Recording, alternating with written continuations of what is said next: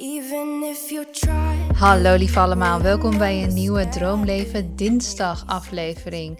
Vandaag wil ik het met jullie hebben over zelfliefde. Een onderwerp waarvan ik vind dat we, nou denk ik, allemaal wel bezig mee moeten zijn. Ik ben altijd voorzichtig met het woord moeten. Dienen te zijn. En een onderwerp waar ik best wel, eh, ja, voor mijn gevoel een gezonde dosis van heb. Een gezonde portie van heb in mijn leven. Waar ik ook aan de ene kant ook echt wel voor heb gewerkt. Aan de andere kant het heel erg heb meegekregen vanuit huis. En ik begrijp vaak dat daar een hele grote basis zit. En dat dat voor heel veel mensen niet altijd het geval is. Waardoor ze in hun leven harder moeten werken om aan die portie zelfliefde te komen. En het dus niet extern te proberen te zoeken, omdat ze vanuit huis uit misschien iets hebben gemist. Ehm, maar ik geloof dat die realisatie alleen al je heel ver brengt. En weet je, er zijn altijd twee kanten van een onderwerp. Bijvoorbeeld het feit dat ik daar geen struggles in heb gehad. Dat ik echt het gevoel had dat ik me niet hoefde te bewijzen. Dat ik altijd geliefd zou worden. Dat ik nooit iets verkeerds kon zeggen. Dat alles open stond voor gesprek en discussie. Dat ik niet. Um, ik hoefde liefde niet te verdienen. Ik voelde me onvoorwaardelijk geliefd door mijn moeder. Dus uh, ook door mijn vader trouwens, alleen mijn moeder heeft uh, de opvoeding gedaan. Dus al die dingen bij elkaar, dan denk je van ja, nou ja, lekker makkelijk voor jou, Danny, in je leven.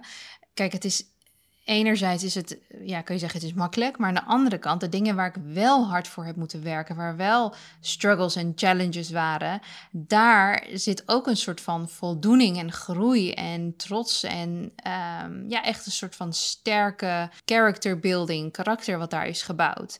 Dus we krijgen allemaal onze eigen portie ellende en dat is op allemaal verschillende vlakken. Dus weet ook dat werken aan zelfliefde, als je het niet vanuit huis per se een gezonde dosis hebt meegekregen, dat dat gewoon kan. Dat dat eigenlijk ook iets, gewoon iets moois is. Een onderdeel is van jouw ontwikkeling en jouw pad. En je dus niet gedoemd bent. Ik geloof sowieso niet dat je in het leven gedoemd bent met de ellende die je krijgt. En we zullen denk ik niet altijd met ons mensenbrein de reden van iets kunnen bedenken. Uh, of achterhalen. En soms is het alleen al goed om te bedenken dat we eruit zijn gekomen. Welke situatie dan ook. Maar vandaag wil ik dus een aantal uitspraken doen rondom zelfliefde. En de vraag is aan jou om te kijken hoe je je voelt bij de uitspraken en of dat nieuw is voor je, of je daarmee aan de slag kunt gaan, of het uh, bekend is voor je misschien ook wel. Nou, het zijn er een paar, we zijn er eigenlijk ook zo doorheen, dus laten we van start gaan. Zelfliefde is weten dat je niet perfect bent, je gebreken kennen en tegelijkertijd weten dat dit niets anders dan menselijk is. Dat je waardig bent, ongeacht je gebreken. Dus het gevoel van waardigheid plaatsen we vaak extern. Als ik slank ben, dan. Als ik rechte neus heb, dan. Als ik geen rimpels heb, dan. Als ik heel veel geld heb, dan. Het enige wat dan is, is hetgene. Dus als ik minder rimpels heb, dan heb ik minder rimpels. Als ik slanker ben, dan ben ik slanker. Als ik meer geld heb, dan heb ik meer geld. En natuurlijk koppelen we daar weer bepaalde dingen aan waar we waarde aan hechten. Alleen de waardigheid als mens is nooit gekoppeld aan iets externs. En het weten dat je niet perfect bent, dat dat eigenlijk ook helemaal niet bestaat en dat je dat helemaal niet moet willen. Waarom zou je dat in vredesnaam willen? Er is gewoon geen groei. Wat ik bedoel, nou ja, ik raak helemaal gefrustreerd bij die gedachte. Maar um, dat je dus je gebreken ook kent, maar tegelijkertijd ook weet dat dat jouw waardigheid niet onderuit haalt.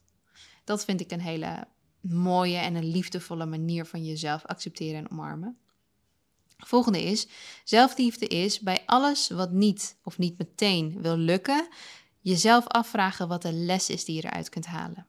Je afvragen hoe het beter kan en of het iets is waar je beter in wilt worden, weet je wel? In plaats van jezelf aanpraten dat je een mislukking bent, dat je ook niks kan. En soms moeten we er ook achter komen dat we bepaalde dingen nastreven die we zelf niet per se willen, maar dat dat vanuit de maatschappij of vanuit mensen om ons heen of, of dat iets een bepaalde statussymbool heeft en dat we het eigenlijk helemaal niet willen, maar dat we er toch een beetje soort van denken: ja, we moeten het toch wel nastreven of wat dan ook. Ja, waarom? Waarom eigenlijk? Dus dat vind ik een mooie van zelfliefde, is dat je dus echt bij jezelf blijft daarin en denkt, waar word ik blij van? Maar ook als je wel dus gewoon iets wilt en, en je probeert er naartoe te werken en het lukt niet of het lukt niet meteen, dat je daar lessen uit haalt. Want je wordt altijd in principe slimmer, beter, verder ontwikkeld als je ervoor kiest om naar die situaties te kijken met: hey, wat kan ik hieruit leren? Het is nooit gedoemd, het is nooit verspilde tijd, het is nooit verspilde geld. Als je er zo naar kijkt, dan zal dat ook zo voelen. Maar er zit altijd een stukje informatie in. En ehm, wat ik ook al een tijdje geleden heb geleerd, en heb ik van Celine Charlotte geleerd, en dat vond ik altijd een hele goeie. Zij heeft bijvoorbeeld wel eens iets gehad met een accountant die een paar dingen helemaal verkeerd had aangepakt, waardoor zij heel veel boetes moest betalen aan de Belastingdienst. En zij noemt het dan leergeld. In plaats van zonde en verspild geld of wat dan ook. Zij noemt het dan leergeld. Dus daar heeft zij dan van geleerd dat ze, nou ja, inmiddels doet ze dan altijd aan twee accountants, zodat die elkaars werk kunnen controleren. En dat ze zelf ook een beetje informatie tot zich neemt. Dat ze zelf ook op de hoogte is van de basis, op zijn minst. En dan uh, is dat dus de les. En dat vind ik een hele mooie les. Dan dat je je hele leven gaat balen over dat je geld aan de Belastingdienst hebt betaald, wat helemaal niet nodig had hoeven zijn. Het is gebeurd, dus het is gewoon een beetje ook verdraaien in je hoofd. Nee, niet verdraaien, omdraaien in je hoofd, zodat je er verder mee kunt en echt uh, als een bouwsteen kan gaan gebruiken. De volgende is: zelfliefde is jezelf vergeven voor de manier waarop je hebt gehandeld in het verleden. En dat is denk ik een hele mooie, want als je een vorm van compassie hebt met jezelf, dat je ervan uitgaat dat je het beste doet naar beste weten, dan is het ook logisch dat hoe ouder je wordt, je bijvoorbeeld meer leert en meer ontwikkelt en terugkijkt op bepaalde dingen in je leven en denkt: Oh, dit had ik echt helemaal anders moeten doen. Maar dat is dus heel logisch, want je had toen niet de kennis die je nu hebt. Dus het heeft eigenlijk niet zo'n zin om nu de hele tijd met die kennis van nu te kijken naar vroeger en het gewild hebben anders te doen. Want dat kan niet. En je moet er echt naar jezelf toe op je hart drukken dat je echt naar beste weten hebt gehandeld en dat je deze informatie toen nog helemaal niet had. Ik weet dat ik een keer een artikel schreef over stress en zwangerschap en wat voor effecten dat had. En er was iemand zo boos in de comments, zo boos, van ja, ik weet dat ik toen stress had en was allemaal ellende in mijn leven gaande. Het helpt dan niet om dan nu ook nog eens wetenschappelijk bewijs te lezen over wat het allemaal doet met je lichaam. Ik voel me al kut en schuldig genoeg dat ik zoveel stress had.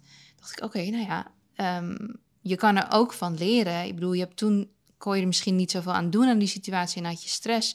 Maar dat wil niet zeggen dat dat dit soort dingen niet de wereld in moeten gaan. Dat we extra bewust kunnen worden of dat het iemand anders die nog niet zwanger is, ehm, die informatie kan gebruiken. Ja, ik, ik vond dat een heel, een heel typisch beeld van iemand die ehm, eigenlijk niet hoe zeg je dat, eigenlijk alles persoonlijk neemt. Dat ten eerste, maar ook, ik zeg altijd, je kan twee kanten op in het leven als je ouder wordt.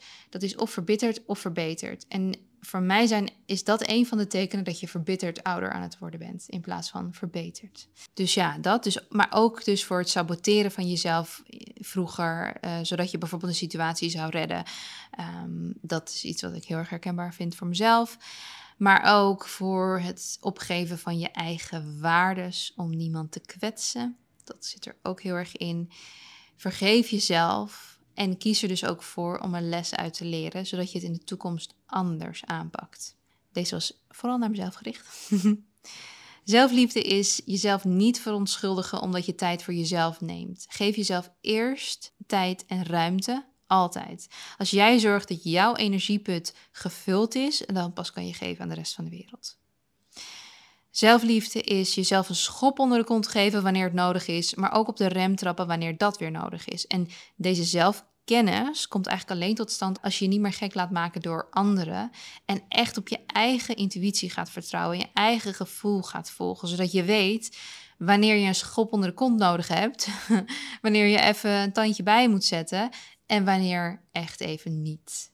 En ik heb het idee dat we soms um, zo ver in, in een bepaalde vorm van zelfliefde zijn gekropen. Dat als iemand zegt, ja, ik heb een schop onder de kont. Dat iemand anders dan zegt, je hoeft niet zo streng te zijn voor jezelf. Ik krijg dat heel vaak te horen van, oh, wees niet zo streng voor jezelf. Maar dat voel ik totaal niet, dat ik streng ben voor mezelf. Maar juist dat er heel veel zelfliefde is. Dus vraag jezelf dus ook af bij jezelf voor mij weet je, als wat ik online doe en daarop wordt gereageerd, een heel groot gedeelte daarvan is projectie van de persoon zelf.